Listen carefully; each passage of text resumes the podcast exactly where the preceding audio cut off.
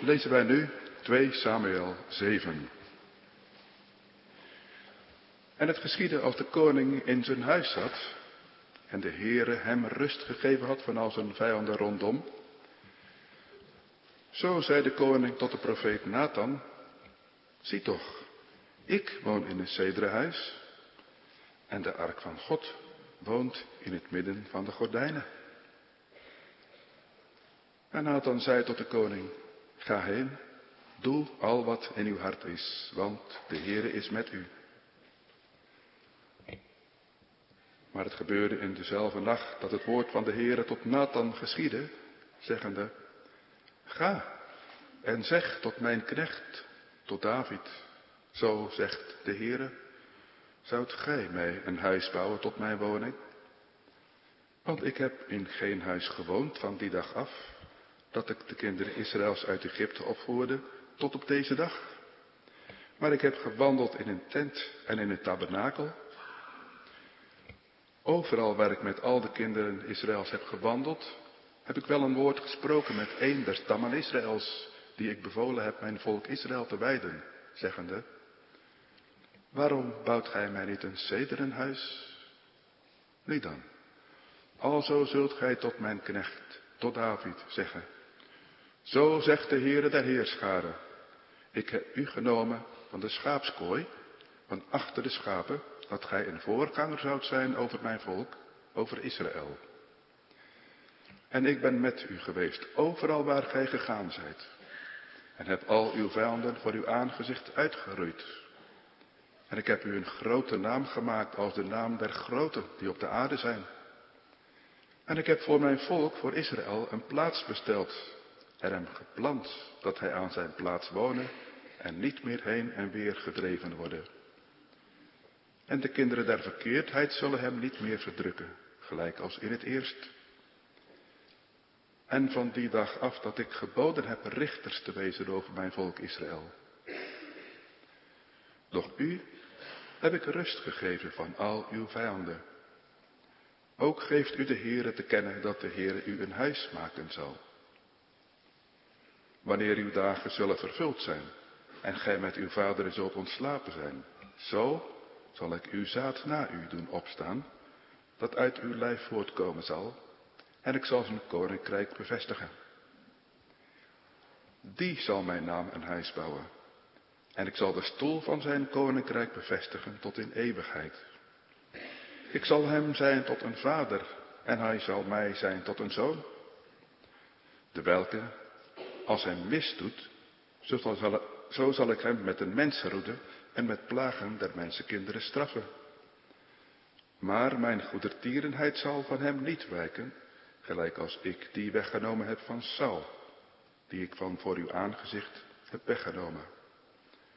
Doch uw huis zal bestendig zijn, en uw koninkrijk tot in eeuwigheid voor uw aangezicht. Uw stoel zal vast zijn tot in eeuwigheid. Naar al deze woorden en na dit ganse gezicht, alzo sprak Nathan tot David. Toen ging de koning David in en bleef voor het aangezicht van de Heere en hij zei, Wie ben ik, Heere, Heere, en wat is mijn huis dat gij mij tot hiertoe gebracht hebt? Daartoe is dit in uw ogen nog klein geweest, Heere, Heere. Maar gij hebt ook over het huis van uw knecht gesproken tot van verre heen. En dit naar de wet der mensen, Heere, Heere. En wat zal David nog meer tot u spreken? Want gij kent uw knecht, Heere, Heere. Om uw woords wil en naar uw hart hebt gij al deze grote dingen gedaan, om aan uw knecht bekend te maken. Daarom zijt gij groot, Heere God. Want er is niemand gelijk als gij. En er is geen God dan alleen gij. Naar alles wat wij met onze oren gehoord hebben. En wie is gelijk uw volk, gelijk Israël, een enig volk op aarde, terwijl God is heen gegaan zich tot een volk te verlossen, en om zich een naam te zetten, en om voor uw lieden deze grote en verschrikkelijke dingen te doen aan uw land, voor het aangezicht van uw volk, dat ge u uit Egypte verlost hebt, de heidenen en hun goden verdrijvende. En ge hebt uw volk Israël u bevestigd, u tot een volk tot in eeuwigheid. En gij, Heere, zijt hun tot een God geworden. Nu dan, Heere God, doe dit woord dat gij over uw knecht en over zijn huis gesproken hebt, bestaan tot in eeuwigheid. En doe gelijk als gij gesproken hebt. En uw naam worden groot gemaakt tot een eeuwigheid. Dat men zeggen, de Heere der Heerscharen is God over Israël. En het huis van uw knecht David zal bestendig zijn voor uw aangezicht. Want gij, Heere der Heerscharen, gij, God van Israël, gij hebt voor het oor van uw knecht geopenbaard, zeggende, ik zal u een huis bouwen. Daarom heeft uw knecht in zijn hart gevonden dit gebed tot u te bidden. Nu dan, Heere, Heere, gij zijt die God. En uw woorden zullen waarheid zijn. En gij hebt dit goede tot uw knecht gesproken. Zo beleeft u u nu en zegen het huis van uw knecht, dat het in eeuwigheid voor uw aangezicht zij. Want gij, Heere, Heere, hebt het gesproken. En met uw zegen zal het huis van uw knecht gezegend worden in eeuwigheid.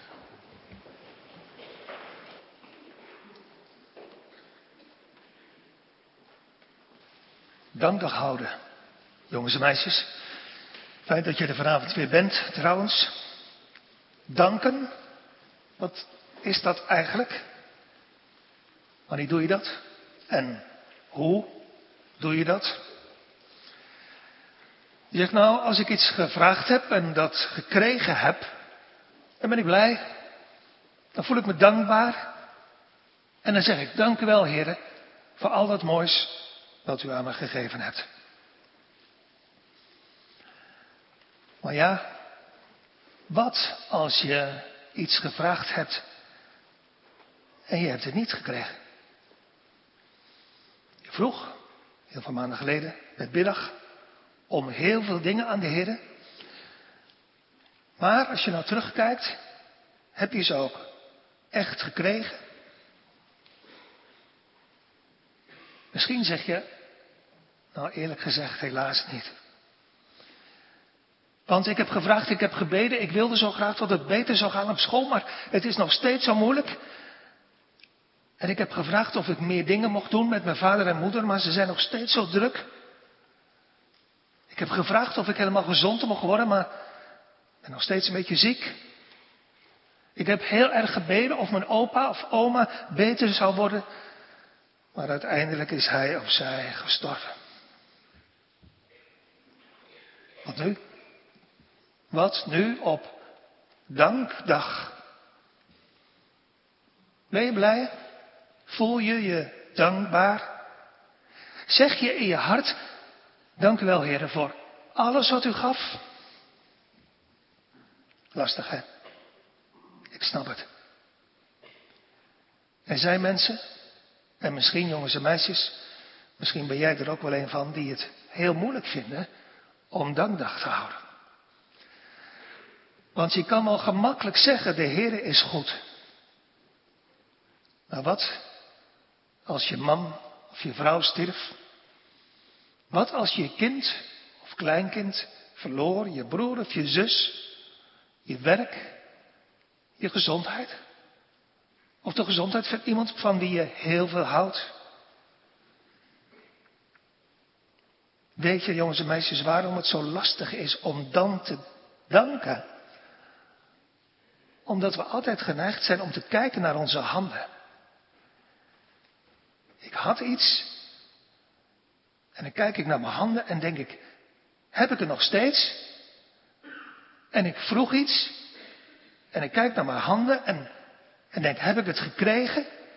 En, en als ik nog heb wat ik had, of als ik gekregen heb wat ik gevraagd heb, en ik kijk ernaar, dan, dan voel ik me blij. En dan zeg ik, oh, ik voel me zo dankbaar.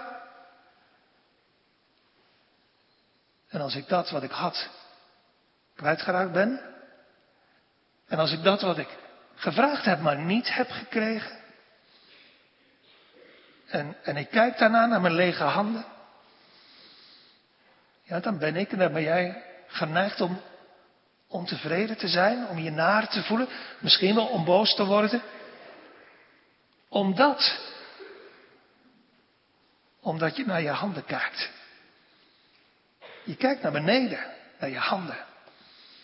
En je kijkt niet tegelijkertijd omhoog naar de Heere God. En je, je vraagt je niet af, Heere, bij al die dingen die er gebeurd zijn in het afgelopen seizoen, was, was u daarbij. In, in wat ik kreeg en in wat ik kwijtgeraakt ben. Vraag je dat jezelf wel eens af. Dat moet je vanavond doen. Heren, bij al die dingen die ik kreeg, maar ook bij die dingen die ik kwijtgeraakt ben, was u daarbij. Heb ik aan u gedacht? In voorspoed en in tegenspoed? Wij zijn geneigd, gemeente, om ons niet af te vragen, was de Heer er? We zijn altijd bezig met wat, wat deed ik en wat kon ik doen voor de Heer, maar we zijn meestal niet bezig met wat deed de Heer voor mij? In voorspoed en in tegenspoed. In het bijzonder in zijn Zoon, de Heer Jezus Christus. Want je tranen zijn bitter en blijven bitter, maar, maar misschien toch minder bitter dan voorheen als je in al je verdriet niet naar beneden kijkt, maar omhoog kijkt en mag zien op de Heer Jezus Christus. En door Gods genade mag weten en geloven. Ja, ik verloor wel veel. Maar Christus, de Heer Jezus, verloor alles. Voor mensen zoals ik. Zijn vrienden, zijn bezit, zijn kleding, zijn moeder, zijn leven, zijn God. Opdat wij mensen door Gods genade in al ons verdriet nooit door God verlaten zouden worden. Waar het om gaat, jongens en meisjes, gemeente met dankdag, is of de Heere in al de dingen die gebeurden erbij was. In zijn Zoon, de Heer Jezus Christus, in Emmanuel, God met ons. Met ons. Ook in het diepste verdriet als dat u trof. In de grootste zorg. In de meest pijnlijke eenzaamheid. Dan kan het misschien wel heel anders gelopen zijn. Dan dat we van tevoren dachten of hoopten of wilden. Dan kan het leven bitter zijn. Moeilijk. Verdrietig. En vol van snerpende pijn. Maar dan buig je toch voor de Heer. En zeg je, Heer, wat u doet is goed. Ik begrijp het niet. Het doet me heel veel pijn. En het kost me heel veel tranen en soms ben ik ook boos. Maar u hebt het gedaan. En dat gemeente geeft toch, als de Heer dat geeft, iets van stille rust in verdriet, in zorg, in eenzaamheid. Daarop doelt de Heer ook als hij zegt, wees stil. Laat af en weet dat ik God ben. We zien iets vergelijkbaars in de geschiedenis die we gelezen hebben uit 2 Samuel 7. David zit thuis, zijn prachtige paleis, en is diep in gedachten en in gesprek met de profeet Nathan. En dan ineens zegt David, Nathan luister eens, het voelt niet goed. Het is gewoon niet goed. Ik, David, ben koning geworden. Ik heb rust van mijn vijanden. Ik heb een prachtig paleis. Ik heb alles. Maar de ark van de Heer, de plaats waar de Heer uit genade bij ons woont, die staat in een gewone tent. We zijn al 400 jaar in het beloofde land. Maar de Heere woont nog steeds in een tent gemaakt van dierenvellen. Nathan, ik heb een voorstel. Ik heb een heel goed voorstel. Ik denk dat het goed zou zijn als ik voor de Heere ook een heel mooi huis zou bouwen. Zoals jij, jongen of meisje, misschien soms ook wel eens iets voorstelt aan de Heer. Heer, volgens mij zou het goed zijn als ik. En dan komt er een heel mooi plan. Dan zal zo'n gemeente misschien ook wel eens een voorstel aan de Heer doet. Goed, er is best wat ruimte om te onderhandelen, maar Heer, laat mij iets doen voor u. Iets goeds, een goed werk waar u beter van wordt.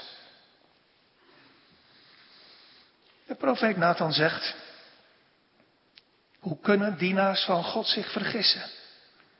David, doe het. De Heere is met u. Maar in de nacht komt de Heere in een visioen naar Nathan toe en zegt in vers 5, Nathan, ga en zeg tot mijn knecht, tot David, zo zegt de Heere, zou u voor mij een huis bouwen tot mijn woning? Ga jij, David, een huis voor mij bouwen? Ik, de Heer, heb, kijk maar even 6 en 7, ik heb helemaal geen huis nodig. Daar heb ik ook nooit om gevraagd. En zo komt Nathan het de volgende dag ook tegen David vertellen. David, de Heer vindt het toch niet goed. Het is geen goed plan. Je hoeft ook aan de Heer niet je eigen plannen te presenteren. Je hoeft geen voorstellen aan de Heer te doen. Want je wilt heel graag allerlei mooie en goede dingen voor God doen, net als wij. Maar jij, David, hoeft niets te doen voor God. En dus hoeven wij op dankdag ook zeker niet te danken voor wat wij zelf gedaan hebben, denken we, voor God. Nee, zegt de Heer, ik kom met een voorstel naar jou toe. Niet om daarover te praten, niet om daarover te discussiëren. Het is, het is eigenlijk helemaal geen echt voorstel. Het is een belofte. Het is een verbond, eenzijdig bij God vandaan. Ik zal je zeggen, David, wat ik gedaan heb. En wat ik, de Heere, doen zal.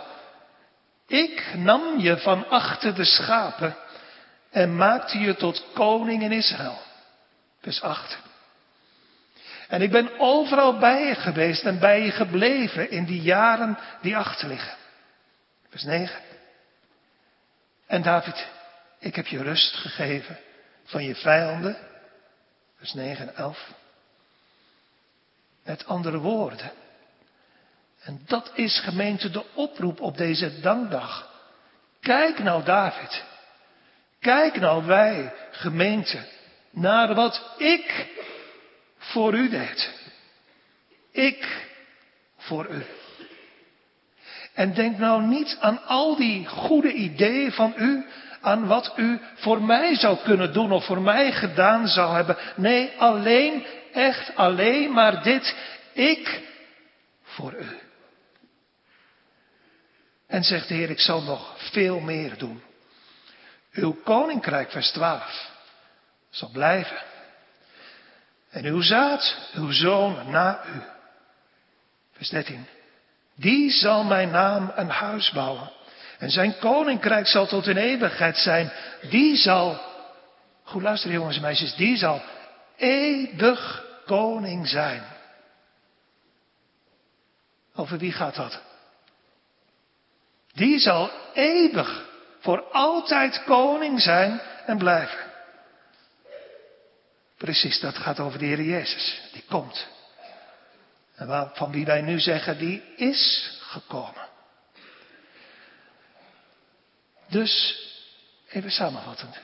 Wat gebeurt hier? Dit. Er is iets naars, iets negatiefs. David mag van de Heer geen tempel bouwen. De Heer zegt eigenlijk, David, niemand komt met plannen naar mij toe. Ik heb mijn eigen plannen. Mijn raad zal bestaan en ik zal mijn welbehagen doen. Maar jongens en meisjes, als je luistert, en, en dat doe je, en als je ook leest, dan, dan proef je dat het antwoord van de Heer niet boos is en niet afwijzend. Het is meer bedoeld om te leren, om er stil van te worden. Er is iets naars, iets negatiefs, en de Heer zet daar iets tegenover. Iets moois, iets positiefs. De Heer heeft een eigen plan. Een beter plan. Hij belooft de komst van de Heer Jezus. Die voor altijd koning zal zijn en blijven. En dan? Wat dan? Als David kijkt naar wat hij niet gekregen heeft, wordt hij dan boos? En als hij luistert naar wat de Heer zo mooi aan hem belooft, wordt hij dan blij? Is dat dankdag vieren? Een beetje emotie? Een beetje zus of een beetje zo? Een beetje boos of een beetje blij? Een beetje boos en ontevreden om de dingen die je niet gekregen hebt? Of die misgingen? En een beetje gelukkig en een beetje blij om, om wat je wel gekregen hebt en wat gelukt is? Nee, dankdag houden is echt iets anders. Dankdag houden gemeente is stil zijn voor God. Dankdag houden is doen wat staat in onze tekst in 2 Samuel 7 vers 18. Toen ging de koning David in en bleef voor het aangezicht des Heren. En hij zeide, wie ben ik, Heere, Heere? En wat is mijn huis dat u mij tot hiertoe gebracht hebt? Het thema voor de dankdagpreek van vanavond is hoe David dankdag houdt. Twee punten. We letten op de plaats waar hij dankt, want er staat, toen ging de koning David in en bleef voor het aangezicht des Heren. De plaats waar hij dankt en als tweede de woorden waarmee hij dankt. Wie ben ik, Heere, Heere? En wat is mijn huis dat u mij tot hiertoe gebracht hebt? En de Heere geven ons gemeente dat wij vanavond ook zo dankdag zullen houden. Zoals David. Stil voor Gods aangezicht. Het eerste punt. De plaats waar David dankt. Toen ging de koning David in en bleef voor het aangezicht des Heren. Hij gaat naar de tabernakel. Naar de tent waar de ark in staat. Precies jongens en meisjes naar die plaats waar zijn vraag over ging. Mag ik, heren, alstublieft in plaats van deze tent die al zo oud is, een prachtige tempel bouwen? Voor u. Ik voor u. Antwoord. Nee. Juist naar die plek gaat David. Om, goed lezen, te blijven voor het aangezicht des Heren. Zometeen gaat hij bidden. Maar het begint met blijven. Hij staat, of hij zit, of hij knielt, een poos, een tijd lang, voor de tabernakel, voor de ark, voor God, om te denken, om, zo noemen we dat jongens en meisjes vaak, om te overdenken om te mediteren voor Gods aangezicht. Voor de heilige God, die om het bloed van de offers bij de tabernakel, om het bloed dat één keer per jaar gesprengd werd op het verzoendeksel, voor de heilige God die om het bloed van het kruis genadig is, groot van goede tierenheid, van liefde en trouw, voor mensen zoals hij. Voor mensen zoals David. Stil zijnd, stil denkend aan, niet jij voor mij, David, maar ik voor u. Niet jij bouwt een huis voor mij, maar ik maak een woning bij mij voor jou. En daar blijft David voor het aangezicht van de Heere stil, rustig, wachtend, verwonderd, verbaasd, buigend onder Gods goedheid. Je hoort jongens en meisjes, als je erbij had gestaan, je hoort geen gemopper. Zo van, kijk nou, die tent, die wilde ik juist gaan vervangen. Weet je wat je hoort? Helemaal niets. Daar staat, daar zit, daar knielt een man stilletjes voor God. Verbaasd in zijn hart. Omdat anderen, wat hij niet gevraagd, maar wel gekregen heeft. Om alles wat de Heer door de mond van Nathan, de profeet, tegen hem gezegd heeft. Luister eens, David. Ik, de Heer, heb je koning gemaakt, maar later zal uit u, uit uw koningslijn, op mijn tijd, de grote Davids zoon, de Heer Jezus, geboren worden. Jouw bouwplan moet in de wacht staan. Maar wat is het spreken van de Heer door de mond van Nathan? Liefdevol en hartelijk. In wat de Heer aan David belooft. En daaronder is David stil voor God. De Heer leidt zijn leven en zijn plannen anders dan hij zelf had gewild. Maar hij is stil. Stil voor God. Misschien mag u, en ik denk vooral aan mensen die onder ons die veel verliezen geleden hebben, ook wel door Gods genade, denkend aan Gods belofte, denkend aan het kruis, aan alles wat Christus deed en aan alles wat Hij verloor Misschien mag u op deze dankdag door Gods genade ook wel zo stil zijn voor God. Met de woorden van de psalmdichters in uw hart. Hoe het ook tegenliep, Heer.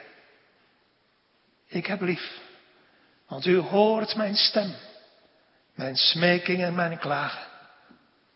Mijn ziel vergeet nooit één van Gods weldaden. Zoals een vader zich ontfermt over de kinderen. Zo, heren, zorgt u voor mij in al mijn verdriet. En uiteindelijk, heren, is uw goede tierenheid zo oneindig veel beter dan dit tijdelijke leven. Dan de dingen die ik voorheen vroeg, die ik graag wilde hebben, die ik graag wilde vasthouden, die ik zelf voorstelde aan u. Of, ja, hier gemeente scheiden de wegen wel. Niet zichtbaar, maar in ons hart. Of denkt u stiekem en stilletjes in uw hart naar alles wat in uw leven misschien ook wel tegenviel of tegenliep. Dit is één van twee. Of God kon het niet. Zoals de mopperaars vroeger zeiden in de woestijn. Zou God een tafel om te eten kunnen toerichten in de woestijn? Of God kon het niet, of hij kon het wel, maar hij deed het niet. Hij wilde het gewoon niet. Met als resultaat een eindeloze stroom in je hart van wat de Bijbel noemt gemurmureer, van gemopper. Van allerlei stille maar ontevreden vragen. God wil het niet, wat ik vroeg. God blokkeerde mijn weg. Maar ik wil het gewoon wel. Dan moet ik het op een of andere manier maar zelf proberen te regelen. Andere wegen. Doodlopende wegen. Tegenspoed, verdriet. Het leidt of tot gekrenkte trots, tot, tot irritatie, tot geïrriteerde hoogmoed. Of het leidt, maar dat komt niet uit ons hart, dat is gegeven genade, tot stil zijn voor God. Zoals hier bij David. Tot, tot ootmoed. Tot verwondering. Tot vernedering voor de Heer. Gemeente ons tweede punt, de woorden waarmee David dankt. Deze woorden. Wie ben ik, Heere, Heere? En wat is mijn huis dat u mij tot hiertoe gebracht hebt? Wie ben ik, Heere, Heere? Grote en almachtige God. God van het verbond. God van wat u beloofd hebt. Van de verlossing. Van de beloofde verlosser. Van de beloofde Messias, Jezus Christus. Wie ben ik? Je zegt jongens en meisjes, nou dat weet ik wel. David was echt een hele bijzondere man. Die was heel erg gezien, die was belangrijk, die was koning in Israël, die was rijk, die was verstandig, die was slim. De schrik van zijn vijanden, de lieveling van zijn volk. Ja, het is allemaal waar. Maar toch, als hij stil is voor de Heer, dan zegt hij, zeg jij dat ook? Heere, wie ben ik? Daaraan ken je het hart, gemeente, van een kind van God. Daaraan ken je het hart van iemand die echt dankt. Het hart van een onbekeerde. Het hart van een huigelaar die niet echt een kind van de Heer is, zegt hooguit, ik dank u Heer. Dat ik niet zo ben als die en als die. Ik vast meer dan anderen. Ik geef tiende veel meer dan iedereen. Heer, ik doe zoveel voor u. En wel jammer dat u niet al mijn gebeden hebt verhoord. Maar ik dank u vooral, Heer, om wat ik voor u heb gedaan. Maar het hart van een kind van God buigt voor de Heer. En zegt als eerste, stil voor God. Wie ben ik, Heere, Heere? Ik, die kleine ik, tegenover u, de grote en de heilige God. Stil, ademloos stil. Want hoe groot bent u, Heer? Hoe wonderlijk is uw leiding? Hoe heerlijk uw belofte? Hoe onnaspeurlijk uw wegen vol van goddelijke wijsheid. Wie ben ik, Heer? Zoals Abraham zei voor God. Heere, ik ben stof en as voor u.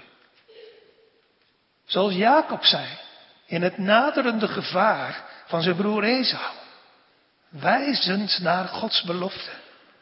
Heere, ik, ik ben geringer dan al deze weldadigheden en dan al deze trouw die u aan uw knecht hebt gedaan.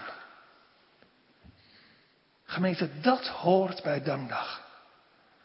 Dat hoort bij komen voor Gods aangezicht. Stil zijn diep buigen. In diepe vernedering. In kleinheid. In verootmoediging voor God. Komt u, geliefde gemeente, ook op deze dankdag. Zo hier voor God verschijnen. Tekent dit uw leven? Deze simpele woorden. Wie ben ik?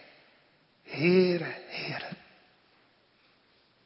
Ootmoedig buigend voor God. Dat u zich, o grote en heilige God, bekommert om mij. Om mij die u verlaten heb, die tegen u ben opgestaan, die tegen u gezondigd heb. Als ik denk aan mijn leven voor mijn bekering, aan hoe het was. En als ik denk aan mijn leven na mijn bekering, hoe het is. Dat zicht op mezelf. Als de Heer de genade geeft om dat eerlijk onder ogen te zien, dat zicht op mezelf voor God verbreekt mijn hart. Laat me diep buigen in stilte voor God en vernedert me op het diepst. Maar als je zo in stilte voor God buigt op deze dankdag, gebeurt er meer. Juist in die persoonlijke ontmoeting met de hoge God. Dan smelt je hart ook weg in liefde tot God. O God, God van wat u me gaf. O Heere God van wat u me in wijsheid niet gaf. Ik zal u, o Heere, hartelijk lief hebben. Daar vlamt in ons hart, in de diepte van God, de liefde tot God op. En tegelijkertijd, het kan niet anders, ook de haat tegen de zonde. En daar maakt de Heer ons ook gewillig. Om hem hoe het leven ook gaat te dienen en te volgen. Hoe de weg van ons leven er ook uit gaat zien. Wie ben ik? Heere, Heere. Dat is het eerste wat David zegt. In de stilte van zijn hart, diep gebogen voor God. En zo gaat hij verder. Wat is mijn huis, Heer? Dat u mij tot hiertoe hebt gebracht. Wie ben ik? Begon als een herdersjongen, een jaar of tien geleden in Bethlehem. Tien kilometer hier vandaan. Meer dan tien jaren zelfs liggen er tussen. Tussen toen en nu. Jaren van gevaren. Van zwerven, van vluchten. Jaren van dwaasheid. Van zonde. Tot u, Heer, mij hier hebt gebracht. Wie ben ik en, en wat is mijn huis? Waar kom ik eigenlijk vandaan? Niet uit een koninklijke familie hoor. Ik kom uit een geslacht dat getekend is door verraad. Door hoogverraad. Ik ben een kind van Adam. En kijk heren, een gezin, een familie, Absalom, Adonia, Gemeente, we kunnen zo trots zijn op onszelf. Op onze kinderen als we die gekregen hebben. Ons gezin, op onze gemeente. Op alles wat wij hebben opgebouwd. Persoonlijk, in de kerk, in commissies, op verenigingen. Wat zijn we toch goed bezig geweest. Wat hebben we toch veel met elkaar gedaan. En in die verholen trots kan je ook in je hart zo boos worden op God als het verkeerd ging. En als het niet lukt. Waarom heeft de Heer me zoveel afgenomen? Had het niet anders gekund? Waarom? Gemeente, zo kunnen we niet danken. Je kan veel beter dit zeggen, wat David zegt. Wie ben ik? En wie zijn wij dat u daar valt de nadruk op. Dat u mij en ons tot hiertoe hebt gebracht.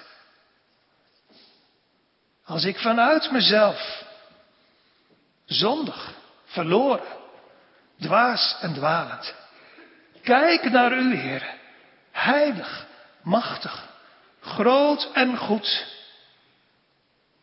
dan is er alleen maar verwondering. De verwondering dat er ik er zelf nog ben. En de verwondering, Heer, dat u ons nog draagt. Want als ik kijk naar wie ik ben, als ik kijk naar mijn gezin, dan zegt u toch ook ongetwijfeld. Zoveel zonde, zoveel schuld, zoveel nalatigheid, zoveel gebreken. Dan buig ik als het goed is beschaamd mijn hoofd. Maar heren, als ik dan van daaruit vanuit de diepte omhoog kijk naar u, o God, naar uw goedheid, naar uw geduld, naar uw belofte, uw belofte om uw Christus te zenden. En als ik vanuit de diepte omhoog kijk naar zijn gehoorzaamheid, naar zijn lijden, naar zijn kruis, naar zijn ik voor u, dan buig ik nog dieper. Dan word ik stil. Dan breek ik. Dan dank ik echt. Zelfs voor de moeilijkste wegen. Dank u, Heer. Dat u toornig op me geweest bent, maar u troost me. Dank u, Heer. Want het is goed voor mij om verdrukt te zijn geweest. Wat hier eigenlijk gebeurt, gemeente, is dat iets wat heel erg moeilijk is voor David. Want hij krijgt niet wat hij van de Heer vraagt. Hem dichter bij God brengt. Hem laat zien hoe goed de Heer is. En hoe de Heer in wijsheid, in ongeëvenaarde wijsheid, zijn leven leidt. Juist met die moeilijke dingen in ons leven. Wat het ook is, en dat ligt voor iedereen ongetwijfeld verschillend, heeft de Heer zulke wijze bedoelingen. Deze vooral. Hij wil ons aan zijn voeten brengen. Op die plek waar we uit onszelf niet wilden komen. De Heer wil zo graag, jongens en meisjes, dat we biddend, stil voor Hem buigen. En ook dat we biddend, stil in ons hart onszelf veroordelen en zeggen, wie ben ik? En wie zijn wij, heren? Zo slecht, zo zondig, zo ontrouw en vaak zo opstandig. Met de bedoeling, wat wil de Heer daarmee bereiken? Ik noem drie dingen. In de eerste plaats dat we ons heel klein gaan voelen. Om onze zonden, om onze misdaden, om onze ontrouw. En dat daartegenover de Heer in onze ogen heel groot zal worden. Zo staat in vers 22. Daarom bent u groot, Heere God, want er is niemand als u. En er is geen God dan u alleen. De bedoeling van de Heer is dat we ons heel klein gaan voelen. En dat de Heer in onze ogen, in ons hart heel groot wordt. En de tweede bedoeling is dat we oog gaan krijgen. En meer oog gaan krijgen voor Gods liefde en ontferming. Juist in de zwarte duisternis van onze tegenspoed. Dat we oog gaan krijgen voor het eerst en meer oog gaan krijgen voor zijn Christus. Die niet iets verloor, maar alles.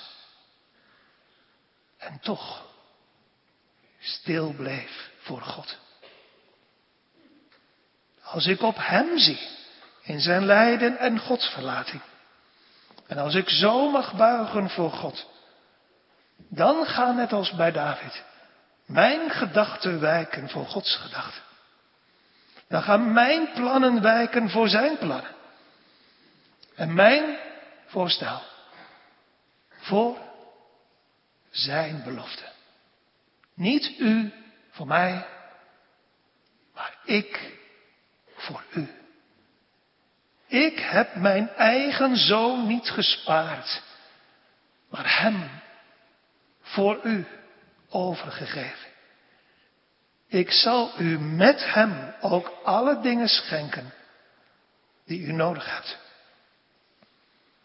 De bedoeling van de Heer is dat we ons heel klein gaan voelen voor Hem, de grote God.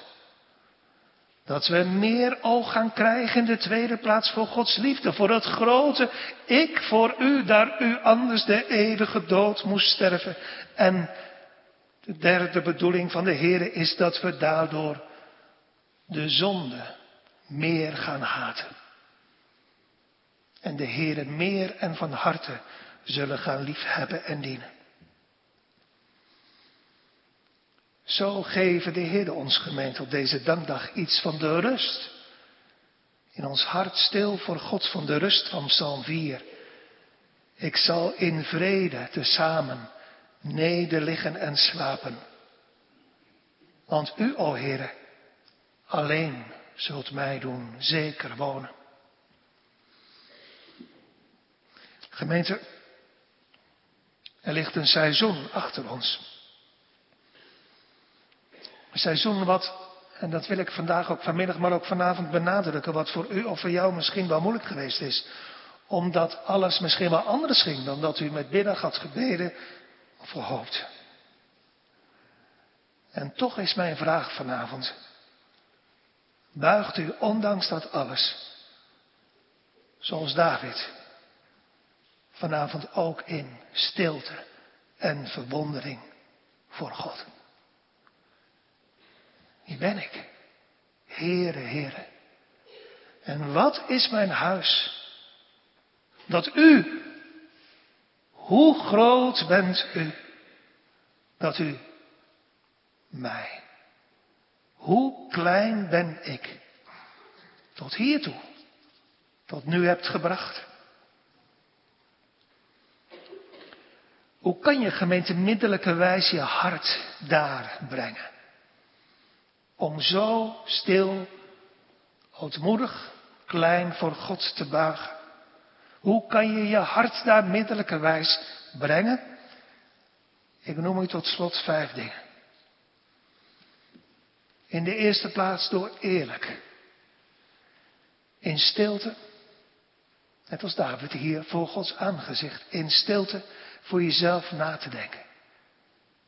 Neemt u daar de tijd voor. Door je voor jezelf stil na te denken, te mediteren over, over wie God is. En over wie je zelf bent voor God. In de tweede plaats door eerlijk terug te denken. Aan het afgelopen seizoen en verder terug. Eerlijk terug te denken aan al je zonden. En aan al het kwaad dat je tegen de Heer hebt gedaan. In de derde plaats door ook eerlijk en met ernst terug te denken aan Gods weg. Met u en met jou. Hoe heeft de Heer dag in dag uit voor je gezorgd? En in de vierde plaats door eerlijk onder ogen te zien dat de moeilijkste tijden in uw leven bedoeld waren om u voor God te verootmoedigen. Om u te brengen op deze plek waar u zeggen zou, heren, wie ben ik? En, en hoe groot bent u? Denk maar aan het volk Israël. Hoeveel zegen was er in de woestijn, maar ook hoeveel moeite en hoeveel verdriet. En wat zegt Mozes uiteindelijk? Wat was Gods doel daarmee? Het was Israël allemaal om u te verootmoedigen. En om u te verzoeken. Opdat de Heer u ten laatste wel doen zou. Wel deed. Diep in Gods vaderhart was er een goed doel. Hoe kan je middelijkerwijs, dat was de vraag, je hart daar brengen om voor God te buigen in de vijfde plaats? Door te erkennen hoe God u steeds weer verlost heeft en geholpen en gered heeft in tijden van moeite en zorg. Niet door u altijd te geven wat u vroeg. Maar wel door u te verzekeren. Door zijn beloftewoord. Dat Hij bij u wilde zijn. Dat Hij om Emmanuel, God met ons, Jezus Christus, met u wilde zijn en bij u wilde blijven. Wilt u daar aan geliefde gemeente blijvend houvast hebben? Buig dan voor God. Voor zijn vrijheid. Voor zijn soevereiniteit. Voor zijn onbegrensde wijsheid. Voor zijn onveranderlijkheid. Hij is gisteren en heden dezelfde. En tot in eeuwigheid. Doet u dat maar. Buigen voor God. Juist als u hem niet begrijpt. En wie van ons zou hem wel begrijpen? Buig dan voor hem en aanbid hem. Want, zo zingt de dichter, menig werf, heel vaak toch, heeft hij uw druk veranderd in geluk. Hoop dan op hem, sla uw oog biddend naar boven en zeg, wie ben ik? Heere, Heere. Ik zal u, grote God, toch geloven. Amen. Laten we samen bidden.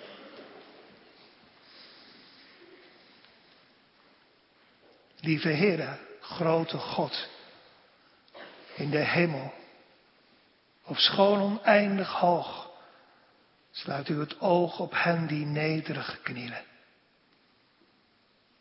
Het vraagt om een bijzondere werk van uw geest in ons hart, heren. Om de hoogmoed van ons hart te breken en te buigen. We buigen als gemeente, heren. Dat u dat geven door uw genade. O, te voor u neer. Na dit afgelopen seizoen. Zeggend. Wie zijn we, Heer? Wie zijn wij? Voor u, o grote God, dat u ons tot hiertoe hebt gebracht. Mag het ons stilmaken, verbaasd, verootmoedigd, klein en nederig. En geef dat we vanuit de diepte, Heer, hoe ons leven ook gegaan is en gaat, u toch zullen loven ziende op u, o Heer Jezus Christus, die vrijwillig alles wat u had hebt afgestaan en alles kwijt bent geraakt om verloren en hoogmoedige mensen zoals wij van nature te zijn op te rapen uit de diepte van onze nood en dood. O Heere Christus, u die ons leven bent en die onze hoop bent, Geef dat we vanuit de diepte blijvend zullen hopen op uw onfeilbaar woord. En zullen zeggen wat David zegt in de hoofdstuk wat we gelezen hebben. Vanuit de diepte, vanuit het stil zijn voor u, Heere. Geen recht, maar maak uw woord waar. En doe wat u gesproken hebt. Om Jezus wil. Amen.